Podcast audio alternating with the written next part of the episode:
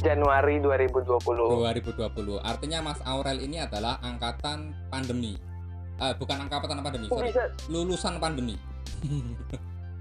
bisa dibilang begitu. Lulusan pandemi, baru lulus kena pandemi. ini terlalu apa ya? Ini LinkedIn kok buat senior senior doang. Mhm, Gitu mhm. istilahnya kayak gitu kan Iya, mungkin ya. Mm-mm. Saya pengen lah eh, ciptain sesuatu ah di sini, saya Hmm. kayak gitu kan. Itu bisa aja terjadi gitu. Mm, Dan oke. kemarin itu untuk yang kemarin itu saya berpikir dasarnya adalah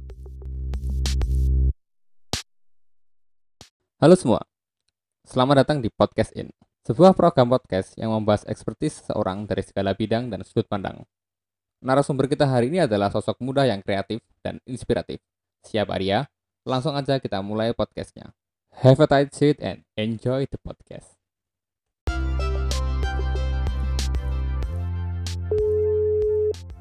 Halo, halo Mas Dani. Mas Aurelio Fedra. Ini adalah sosok muda yang sangat keren sih menurut saya. Dia dan teman-temannya ini berani menggebrak LinkedIn yang mana adalah sosial media yang awalnya tidak begitu relate dengan image anak muda. Tapi Mas Aurelio ini dan teman-temannya berhasil membuat hal ini jadi berbeda dengan membuat sebuah acara yang menurut saya fenomenal yaitu Your LinkedIn Profile Your Future Power. Dan terhubung dalam sebuah komunitas keren yang bernama Youth Project Virtual Team Member Mas Aurelio Fedra gimana mas? Kabarnya mas? Baik Mas Dani, terima kasih banyak ya Mas atas ini openingnya, atas ini pengenalan singkatnya, keren banget. Mas saya mau tanya mas. Sampean ini ada hubungan kekeluargaan dengan Joshua Suherman? Oh nggak ada Mas, Nggak ada, kata- teman-teman saya banyak bilang kok saya mirip Joshua Suherman ya. Bukan saya juga bingung saya, dari berarti. mananya. bukan cuma saya berarti kan yang yang berpikir hal demikian kan? Ternyata teman-teman Mas Aurel juga berpikir bahwa Mas Aurel ada saudara dengan Joshua Suherman. Karena mirip mas mukanya mas Itu dari mana ya Mas? Saya juga bingung loh dengernya. Setiap kali orang bilang saya mirip Joshua Suherman, saya juga bingung itu dari mananya gitu ya. karena pertama kali lihat Mas Aurel di foto profilnya yang terpikir pertama kali saya adalah ini saudaranya Joshua Suherman jangan-jangan tapi ternyata nggak ada hubungan sama sekali pak ya Nggak ada Mas. Mas saya mau tanya ini mas Mas Aurel ini kan lulusan 2000 2019 atau 2020 2020 Mas, tepatnya Januari 2020. 2020 artinya Mas Aurel ini adalah angkatan pandemi. Eh, bukan angkatan pandemi sorry. Bisa lulusan pandemi. Bisa dibilang begitu. Lulusan pandemi, baru lulus kena pandemi. Mas, saya eh, gimana ya? Merasakan mungkin jadi lulusan di era seperti ini, di kondisi seperti ini sangat sulit menurut saya. Menurut Mas Aurel sendiri bagaimana merasakan jadi begitu lulus lalu kena kondisi seperti ini? Kalau dari saya pribadi, saya itu sebetulnya ketika saya sudah eh ketika saya lulus di bulan Januari kemarin, Hmm. itu lulus ya, bukan wisuda. Maksudnya Hmm. setelah saya sidang, Hmm. ketika saya sidang Januari kemarin, saya sebenarnya itu sudah bekerja. Oh, Alhamdulillahnya sudah bekerja. oh, oke. Dari bulan eh, dari semester 7 ketika saya baru menyusun skripsi. Hmm. Nah, kemudian eh, saya itu di sekitar Maret itu ingin resign lah sebenarnya dari perusahaan. Hmm. Saya kayak gitu kan ingin resign. Cuma eh, dengan pada saat itu masih belum terlalu up gitu untuk kasus pandemi, corona dan lain sebagainya. Baru up lah dua orang pertama yang ada yang dari Depok gitu. Oh, yang kasusnya kasus baru itu ya. Hmm, kasus pertama Ya, kasus kasus pertama. Hmm. Nah, itu jadi saya tidak terlalu berpikiran uh, macam-macam gitu ya. Mungkin saya rasa ini hal yang bisa ditanggapi dan ditanggulangi secara cepat gitu ya. Saya nggak tahu ini Oh. bakal jadi hal yang serius di dunia global gitu bahkan ya. Nah, kemudian uh, saya mengajukan lah istilahnya surat resign di Maret gitu Hmm. kan. Dan uh, saya itu baru di approve itu resign itu di sekitar akhir Mei. Karena itu juga eh, belum dapat pengganti kantor lama saya juga belum dapat pengganti. Dan eh, suka du- su- dukanya eh, dukanya sukanya sih sukanya ya lulus aja gitu kan. Namanya juga lulusan baru masih merasa saya siap kerja gitu saya Hmm. siap kerja mungkin kayak gitu ya namanya anak muda kan Hmm, hmm. eh, semangatnya bergelora. Nah, kemudian mm, dukanya adalah ternyata pandemi ini menjadi PR yang lebih bagi anak muda di zaman sekarang gitu Hmm, ya. ya. Apalagi baru lulusan baru Hmm, dan banyak sekali perusahaan itu melakukan layoff ya kan seperti Iya, yang kita tahu banyak sekali perusahaan itu melakukan layoff merumahkan karyawannya atau bahkan menutup bisnisnya yang di mana hal tersebut menambah sangat banyak jumlah pengangguran di Indonesia. Hmm. otomatis hal tersebut akan jadi saingan juga. Karena banyak pekerja dirumahkan pekerja tersebut belum mendapatkan pekerjaan baru nah berarti pekerja yang lama itu akan menjadi saingan-saingan lah bagi anak muda anak muda yang belum punya pengalaman apa pun ini. Ya notabene organisasi cuma kan organisasi dan dunia kerja akan jauh berbeda kan ya mas ya? Ya, hmm, walaupun ada sedikit gambarannya dari sana. Hmm. Nah itulah yang menjadi tantangan bagi fresh graduate dalam mencari pekerjaan di tengah pandemi, terutama saya yang juga belum mendapatkan atau bertemu jodoh pekerjaannya. ya memang kondisinya saat ini susah sih. Bisnis juga lagi slowing down semuanya. Ya semoga ini segera berakhir lah. Mungkin juga habis ini Mas Aurel juga mendapatkan kabar baik juga kan ya untuk eh, pekerjaan-pekerjaan yang lebih baik mungkin nanti Amin ya robbal alamin. Mas saya yang menarik dari Mas Aurel ini adalah Mas Aurel ini kan lulusan S1 akuntansi bener ya Ya benar mas.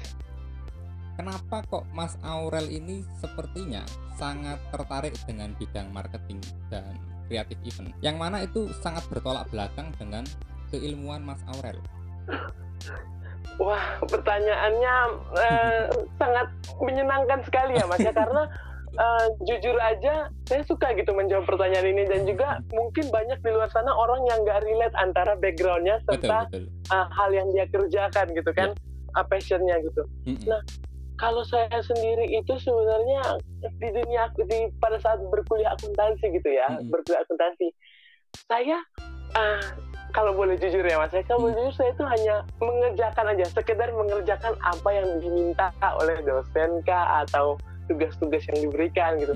Cuma saya ngerasa ini bukan saya gitu. Kayak Oh, oke. wajar lah hal itu mungkin terjadi apalagi di eh, masa-masa quarter life crisis dan mencari jati diri gitu ya mungkin ya. Betul betul.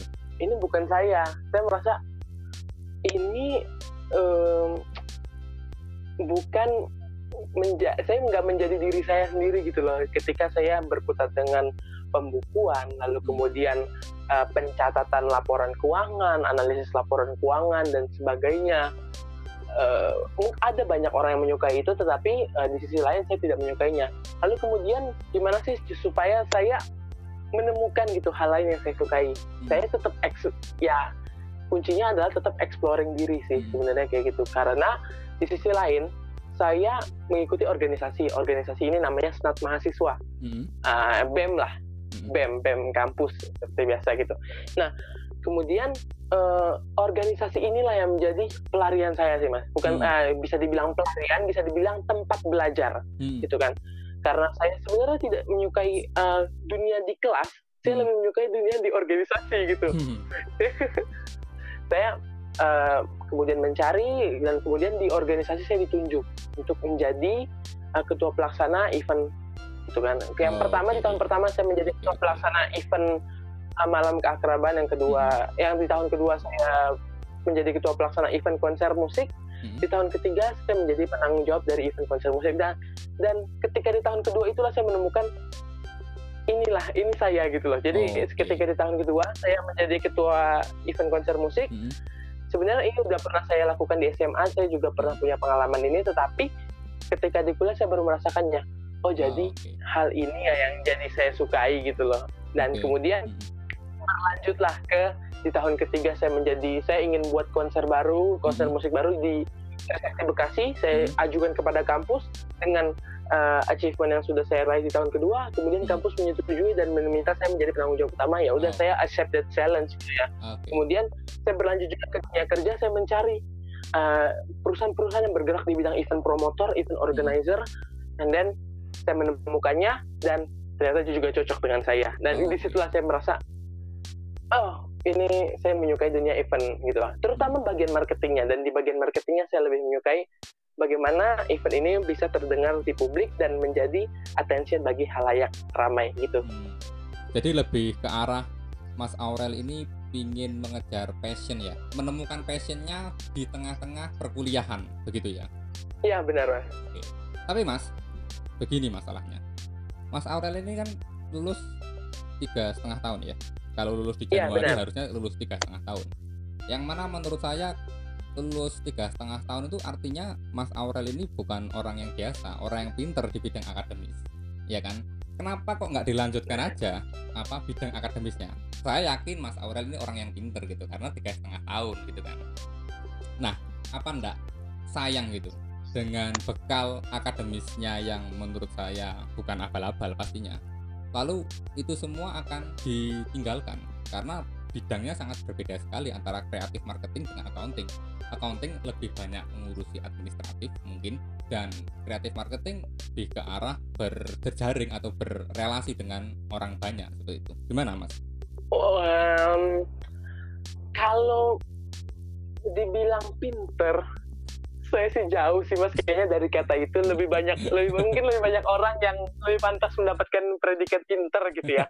Karena sejujurnya IPK saya itu bener-bener ngepas mas. Hmm, Jadi enggak tiga setengah, enggak tiga koma tujuh lima ke atas enggak. Jadi cuma sekedar 3,09, 3,09. Jadi itu tergolong sangat besar kan ya. Iya. Dan saya memang pernah struggle kok mas terkait IPK hmm, di mana eh, saya itu pernah me- mendapat IPK hingga 2, koma sekian, 2, koma sekian. Dan saya baru mendapatkan IPK 3 itu di akhir-akhir perkuliahan saya sekitar semester 5, 6 dan 7 gitu. hmm, Dan itu juga tidak terjadi improvement yang sangat meningkat sekali karena hmm. eh, ya sekedar 3, sekedar 3,1 yang itu di mana itu yang hanya saya incar gitu mas saya pengen 3 ah, saya pengen 3,1 ah, saya pengen ya sekitar segitu yang penting di atas 3 ah gitu. Hmm. Jadi mm, dibilang pinter saya juga nggak bisa dibilang pinter sih karena sejujurnya ya memang itu bukan apa yang saya sukai dan Hmm. saya sekedar mengerjakannya dan eh, tapi bukan berarti sekedar mengerjakannya itu asal-asalan ya istilahnya kita bertanggung jawab apa yang udah kita cemplungin gitu dunianya ya udah saya mengerjakan aja gitu dunia akuntansi Hmm. Eh, sama target saya juga lulus tiga eh, di IPK di atas tiga Hmm. and then ketika saya mm, lulus Hmm. ya sudah kemudian saya menyukai eh, bidang lain di luar akuntansi yang di mana itu marketing Hmm. lebih suka eh, critical thinking bagaimana Hmm. berpikir supaya eh, produk and services dari sebuah perusahaan itu dapat menemukan target marketnya secara tepat and then bagaimana maintain dari eh, produk and service dari perusahaan itu bisa Hmm. menjadi eh, apa ya tertanam di mindset dari para customernya. Nah itu yang lebih saya sukai. Saya juga orangnya lebih eh, ke arah eh, suka pekerjaan lapangan sih mas, suka pekerjaan yang operasional lalu Hmm. kemudian eh, berinteraksi dengan banyak orang. Nah di situlah saya merasa eh, saya lebih hidup gitu kan. Kalau bisa ke- terus kalau misalnya yang yang selanjutnya kalau dibilang tadi saya ilmu akuntansinya sia-sia, Hmm. enggak sama sekali sih mas menurut saya. Hmm. Saya itu mm, cenderung lebih berpikir dengan berkuliah akuntansi, kemudian saya minat di bagian marketing dan event. Hmm. Saya justru berpikir saya itu pribadi yang lengkap, Oh, gitu ya. ya. Saya Hmm, Heeh. gitu. Di mana pola pikirnya di satu- masuk sih.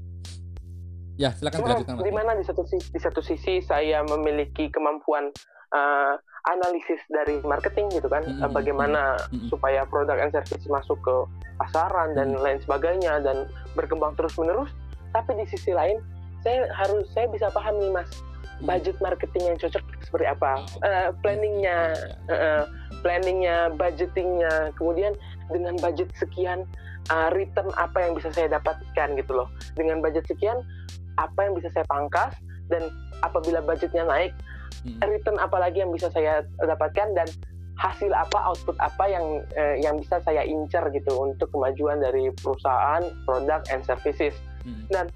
itu sih mas jadi saya merasa pribadi yang lengkap saya bisa analisis secara kuantitatif angka serta jumlahnya di, di- dari ilmu akuntansi saya Hmm. kemudian di sisi lain saya bisa menerapkan ilmu akuntansi tersebut ke arah marketing di mana itu merupakan passion saya Oke. gitu Pola pikirnya menarik sekali sih. Eh, bahwasanya keilmuan yang berbeda itu bukan berarti ditinggalkan tetapi melengkapi dengan passion yang ingin dikejar itu menurut saya pola pikir yang epic sih kalau misalkan kita main game itu pola pikir yang epic sekali sih nah eh, terkait dengan apa namanya perbedaan antara bidang pekerjaan dan juga kuliah sebenarnya menurut saya kuliah itu hanya membentuk pola pikir membentuk pola pikir supaya kita bisa berpikir yang lebih matang.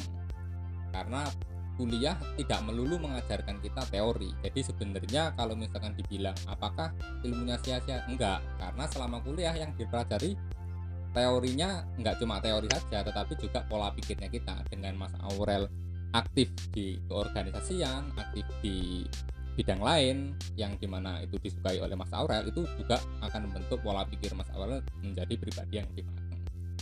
Itu sih kalau menurut saya Mas. juga. Karena saya juga berbeda. Il- keilmuan saya dengan pekerjaan saya meskipun nggak se bertolak belakang dengan yang eh, Mas Aurel tapi saya juga berbeda. Karena saya dulu juga lulusan akuntansi juga dan sekarang berkarir di bidang teknologi. Nah itu kan juga ah, Wow. berbeda juga kan? Seperti itu Iya, menarik tuh mas. Eh, kalau dari kalau dari mas berbeda, berarti juga banyak orang-orang di dunia ini berbeda kan. Yang yang saya setuju juga dengan pendapat mas. Hmm, Emang nggak ada ilmu yang sia-sia kok, tergantung bagaimana kita menerapkannya aja gitu kan. Eh, mau teman-teman di mana pun itu akan terpakai kok ilmunya. Iya. Set- eh, kalau teman-teman bisa memilah-milih mana ilmu yang bisa diterapkan dan tepat di bidangnya. betul Kayak gitu sih. Hmm. intinya nggak ada yang sia-sia sih dalam kuliah seperti itu nah mas eh, saya ini kan melihat semangatnya mas Aurelio dalam membuat sesuatu yang kreatif. Entah itu di LinkedIn entah itu di eh, platform-platform lain atau mungkin di kehidupan realnya. Dan mana hal-hal kreatif ini menurut saya sangat keren sekali. Dan membuka pemikiran gitu loh. Bahwa yang muda itu juga punya eh, suara untuk didengar. Karena yang kemarin Mas Aurel dan teman-teman lakukan dalam membuat acara webinar itu adalah suatu gebrakan yang yang menurut saya sangat menunjukkan bahwa anak-anak muda juga bisa dengar. Nah, menurut Mas Aurel sendiri, seberapa penting anak muda dalam speak up di publik itu atau mengurak, mengutarakan opininya dalam hal kreatif di publik? Baik mas, Eh, makasih atas pertanyaannya. Nah kalau menurut saya di zaman sekarang eh, ini udah zaman keterbukaan ya. Setiap Hmm. orang bebas mengumumkakan pendapatnya dan setiap orang bebas eh, bertindak eh, dalam sisi yang positif ya tentunya bertindak Hmm. atas kemauannya dan siapa tahu hal tersebut membawa benefit atau dampak yang baik bagi banyak orang gitu kan. Nah itu sih mas. Kalau menurut saya di dunia sekarang anak-anak zaman sekarang itu cenderung lebih dinamis ya kan? Menurut eh, anak eh, fresh graduate zaman sekarang lalu kemudian anak muda zaman sekarang itu cenderung lebih dinamis. Dia pengen hal-hal yang eh, mungkin lebih praktis eh, lalu juga mendapatkan hasil dan and then kemudian dia tidak suka hal-hal yang bersifat terlalu tetap dan membosankan gitu. Atau hmm. misalnya terlalu strict dengan hukum lah atau peraturan yang berlaku dan lain sebagainya Hmm, stigma-stigma itu yang mungkin a- lebih suka anak muda dobrak gitu ya. Ya. Ah, males lah saya ah eh, ini terlalu apa ya? Ini LinkedIn kok buat senior senior doang, Hmm, hmm, gitu hmm. istilahnya kayak gitu kan Iya, mungkin iya. ya. Mm-mm. Saya pengen lah eh, ciptain sesuatu ah di sini, saya kayak gitu kan. Itu bisa aja terjadi gitu. Dan oke. kemarin itu untuk yang kemarin itu saya berpikir dasarnya adalah gini eh, banyak sekarang orang mencari pekerjaan. Banyak sekarang orang eh, baik anak muda maupun yang senior juga mencari pekerjaan di LinkedIn gitu loh. Tetapi dasarnya yang saya membuat adalah saya juga ingin berbagi terkait hal yang saya ketahui gitu loh. Tidak serta merta mungkin eh, ini pro kontra juga karena Hmm. banyak orang menganggap bahwa anak muda belum bisa apa-apa. Istilah kayak Hmm. gitu. Ya betul. Fresh graduate belum bisa apa-apa. Betul Eh, itu tidak masalah sih pro kontra akan selalu ada gitu di Hmm, dunia hmm. ini tapi eh, tujuan saya kemarin adalah saya ingin berbagi aja simple kok berbaginya Mm-mm. cara main LinkedIn udah gitu doang sebenarnya Ya, jadi ya, mm-mm. ya udah gitu. jadi tidak ada hal yang harus di di- terlalu didalami orang harus expert di sini di sini di sini karena hal yang kami bagikan bersama teman-teman anak muda juga hal yang simple Mm. cara main LinkedIn ternyata banyak juga orang yang belum tahu cara main LinkedIn Betul. gimana ya jadi betul ya betul laku betul aja di pasaran heeh, heeh. nah ini menarik juga sih karena saya sempat uh, sebenarnya saya telat ngikutin yang kemarin dibikin sama teman-teman uh, sama Mas Oral dan teman-teman ini terkait dengan webinar yang kemarin saya melihat juga meskipun banyak dukungan tapi tidak sedikit juga yang menjudge atau membuli hal ini in a bad way ya. Uh, normal sih kalau menurut saya kalau misalkan ada orang yang beranggapan bahwa ini anak-anak muda ngapain sih sok-sokan bikin hal-hal kayak gini? Baru aja juga lulus sok-sokan ngisi materi gitu. Itu itu wajar menurut saya pemikiran seperti itu. Tetapi itu mungkin dibuktikan dengan hal yang berbeda. Tetapi opini-opini seperti itu akan selalu ada. Nah anak muda ini kan masih apa ya masih belum stabil lah kalau saya bilang jati dirinya untuk membentuk pribadi yang uh, stabil itu juga butuh waktu juga. Nah dengan adanya fenomena yang seperti kemarin apa yang Mas Aurel dan teman-teman lakukan untuk menguatkan diri? Oh ya itu hmm, apa ya dengan stigma tersebut nggak apa-apa sih mas kalau dari hmm. saya pribadi saya membebaskan lah setiap orang apalagi ini kan sosial media Betul. gitu kan sosial media ya semua orang bebas berpendapat semua orang bebas mengutarakan hmm. apa isi hatinya uh, selagi itu mencerminkan dia pribadi dan itu dia bersedia menanggung resikonya itu bisa dilihat oleh publik silahkan aja gitu kan okay. jadi kalau dari saya pribadi dengan pendapat-pendapat negatif seperti itu ya hmm. ya itu wajar aja karena dunia ya pro pro dan kontra bahkan Betul.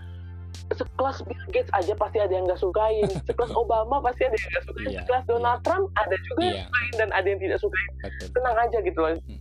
semakin apa namanya semakin ketika kita semakin membuat sesuatu lalu kemudian apa namanya hmm, mencoba untuk uh, memberikan sesuatu.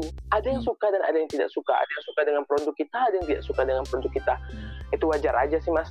Dan untuk tadi kasus anak muda menanggapinya, kalau dari saya pribadi, saya mungkin sudah terbiasa ya dengan hmm. hal dan pro dan kontra seperti itu. Jadi hmm. saya cenderung menanggapinya secara pasif istilahnya. Hmm. Saya lebih ke arah hmm, ya udah silahkan teman-teman mau berkomentar apa hmm. uh, mungkin itu uh, mungkin mereka masih terkait dengan stigma harusnya expert yang yeah. bikin mungkin kayak gitu yeah. udah itu itu oke okay, nggak apa-apa hmm.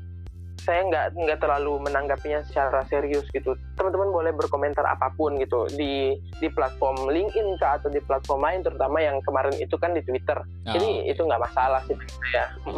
terus uh, beberapa yang lain mungkin ada teman-teman yang lain dari tim saya mungkin yang menyikapinya lebih ke arah aktif gitu hmm. kayak merasa lo emang kenapa sih hmm. kita bikin tak suka-suka kita tuh mungkin ada yang kayak gitu kan yeah. emang orang-orang ini nih kiri aja nih mungkin ada yang kayak gitu kan ada ada beberapa teman saya yang kayak gitu ini yeah. kita kita serang balik deh gitu kan kadang-kadang kayak saya merasa udah santai aja biarin aja ntar dia capek sendiri mungkin kayak gitu kan yeah, yeah, ya nggak yeah. apa-apa jadi kalau kalau kalau menurut saya sih begini uh, kalau harus menunggu seseorang expert di bidang sesuatu di suatu hal ya kapan mereka akan mulai gitu? Karena ukuran expert itu susah untuk dibilang ukuran expert itu. Di atasnya orang bisa ada orang mahir. Di atasnya orang mahir ada orang expert. Nah kalau kita harus nunggu sampai expert ya kita nggak akan mencapai itu gitu. Ya harus dimulai oh, dari setuju, dari sekarang gitu kan. Dari yang yang kecil aja dulu nggak nggak perlu terlalu dalam. Buktinya yang dibahas sama teman-teman uh, kemarin itu ya nyatanya juga masih banyak orang yang masih belum ngeh gitu kan. Oh oh ternyata begini caranya gitu kan. Hal yang sederhana gitu. Nah dari hal yang sederhana itu dikembangkan dikembangkan dikembangkan akan menjadi sesuatu yang luar biasa. Menurut saya seperti itu sih mas. Iya mas, uh, kalau bisa saya menambahkan ya, hmm. bahkan uh, ternyata dengan apa namanya dengan sharing saya seperti itu, saya mengetahui bahwa bahwa banyak juga loh orang-orang yang sudah uh, mengenal LinkedIn lalu hmm. kemudian bermain LinkedIn cukup lama hmm. gitu ya. Hmm. Tetapi mereka belum mengoptimalkan LinkedIn mereka gitu loh, belum hmm. mengoptimalkan profil LinkedIn mereka hmm. dan mungkin itulah jadi alasan mengapa mereka tidak terpilih atau tidak mendapat panggilan eh, ketika dari LinkedIn dan sebagainya ya. dan mereka kemudian kan sudah pastinya mereka kan sudah berharap terlebih dahulu saat ketika mereka membuat LinkedIn gitu kan. Ya. Saya bikin LinkedIn, saya berharap dapat panggilan kerjaan tentunya kayak gitu kan. Nah, tapi eh, banyak juga dari mereka yang belum mengoptimalkan LinkedIn Hmm. mereka dan kemudian harapan mereka sendirilah yang eh, menghancurkan diri mereka gitu kan.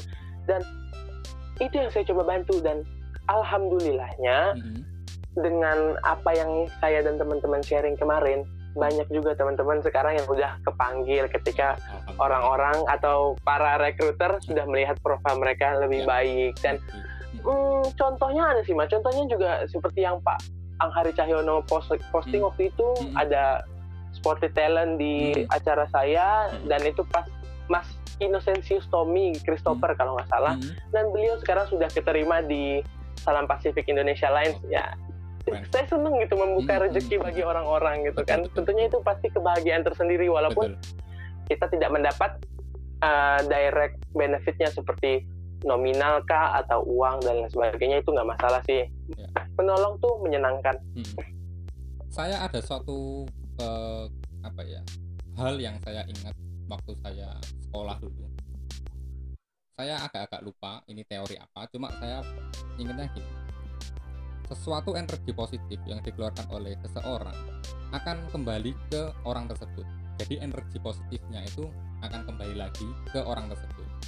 Saya lupa itu hukum Newton atau apa, hukum energi positif atau apa. Itu. Tapi intinya adalah kebaikan yang dilakukan oleh seseorang percayalah nanti akan kembali ke orang tersebut itu sih yang yang yang dulu saya tanamkan waktu saya ikut motivator yang apa seminar E ISQ ISQ seperti itu itu yang saya Mm-mm. seperti itu Amin ya rabbal alamin. Semoga lah Ya. kembali lah kita se- Ya. semuanya senang berbuat baik Ya. dan kembali ke, ke diri kita gitu.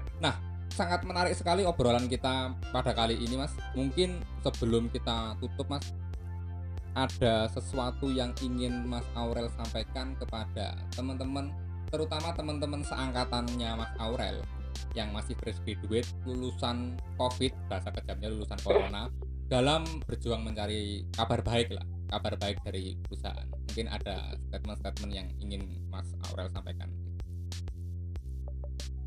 Kalau dari saya pribadi, eh, gini aja sih mas. Kalau dari saya pribadi itu karena ini juga podcast yang berkaitan dengan LinkedIn juga Ya. gitu kan. Eh, Dan saya pribadi menginginkan teman-teman saya itu atau fresh graduate di seluruh Indonesia juga Hmm. para eh, pencari kerja di seluruh Indonesia itu memaksimalkan profile LinkedIn-nya gitu sih. Jadi eh, maksimalkan profile LinkedIn-nya dan kemudian mm, mendapatkan apa yang diinginkan ya. Nah, Hmm. uh, closing statement saya, Hmm. ya, don't use your LinkedIn for just job searching.